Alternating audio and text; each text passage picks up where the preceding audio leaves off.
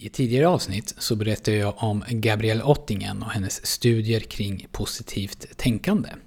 Och vad hon kom fram till var att de som var alltför positiva kring en kommande uppgift eller ett kommande mål, hon kallade det för att man ägnar sig åt positiva fantasier, att de personerna ibland tenderade att få sämre resultat än de som inte var lika blåögt positiva.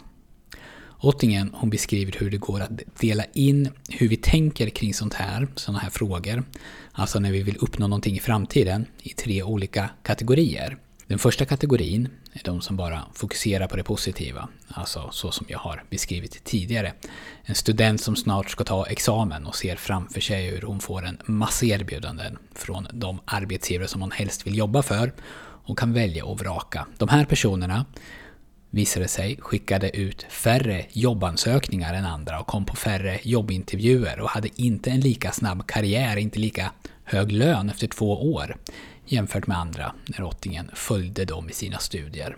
Och så finns det de som tenderar att fokusera mycket mer på det negativa, bara på det negativa. Om jag ska få ett jobb på den här firman till exempel som jag drömmer om så kommer ju det att kräva att jag jobbar massor kvällar, massor helger och jag behöver offra mycket och jag vet inte ens om jag är smart nog att konkurrera med alla genier som jobbar på de här ställena. Personer med den här inställningen, de hade också en begränsande inställning. De kanske nöjde sig med ett jobb då som var sämre än vad de egentligen kunde få. Och så fanns det den tredje kategorin, de som kunde se ljust på framtiden, tänka positivt och vara optimistisk angående vad man var kapabel till, eller hur det skulle gå, men samtidigt kunna vara realistisk med vad som krävdes för att komma dit och vilka hinder som var troliga att uppkomma. Man såg och accepterade vilka uppoffringar som skulle krävas för att nå det mål man hade satt, eller komma dit man vill. Och eftersom man hade funderat på då vilka svårigheter som skulle kunna uppkomma så hade man medvetet eller omedvetet skapat en plan för hur man skulle kunna hantera de här svårigheterna. Låt oss ta viktnedgång som ett exempel. Om man tillhör den här första kategorin helt och hållet så kanske man ser sig själv om ett halvår i sommar hur man går omkring på stan i sin fina nya sommarklänning och har en perfekt kropp. Den här inställningen riskerar att minska drivkraften till att göra det jobbet som krävs. Delvis då eftersom när man fantiserar om det här redan upplever de här positiva känslorna som man vill få åt. Så det dödar på något sätt motivationen. Den andra kategorin ser mer alla hinder på vägen. Varje gång någon bjuder på fika behöver jag tacka nej. Varje gång jag handlar så behöver jag stå emot suget att köpa Ben Jerrys. Det kommer vara så många kvällar så jag kommer, som jag kommer hem trött från jobbet och då är det bara att lämna jobbväskan i hallen och börja packa gymväskan och sen ge mig av direkt. Inte en chans att jag klarar av allt det här. Så jag tycker nog inte ens det är värt att leva ett så tråkigt liv. Så jag försöker inte ens. Den tredje kategorin har då en idealbild och ser hindren. Men hon funderar också på hur hon kan göra de här hindren möjliga att komma över.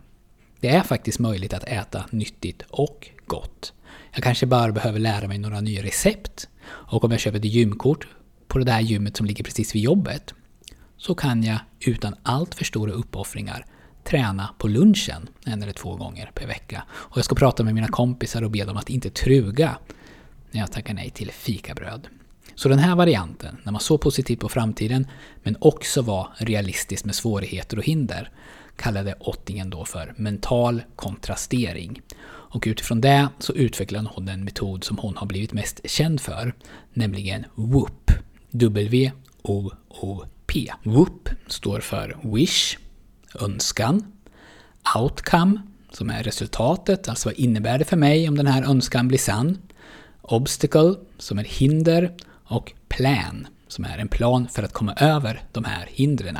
Och planen, det är en om-så-algoritm som jag pratade om i en tidigare film, en implementation intention. Om jag är och handlar och märker att jag drar mig mot glasshyllan så dubbelkollar jag min inköpslista och påminner mig själv om varför det är så viktigt att jag håller mig till den, till exempel. På så sätt så har man en plan när de här svårigheterna som man vet kommer komma verkligen kommer och man ger sig själv större möjligheter att inte falla till föga för känslor och impulser.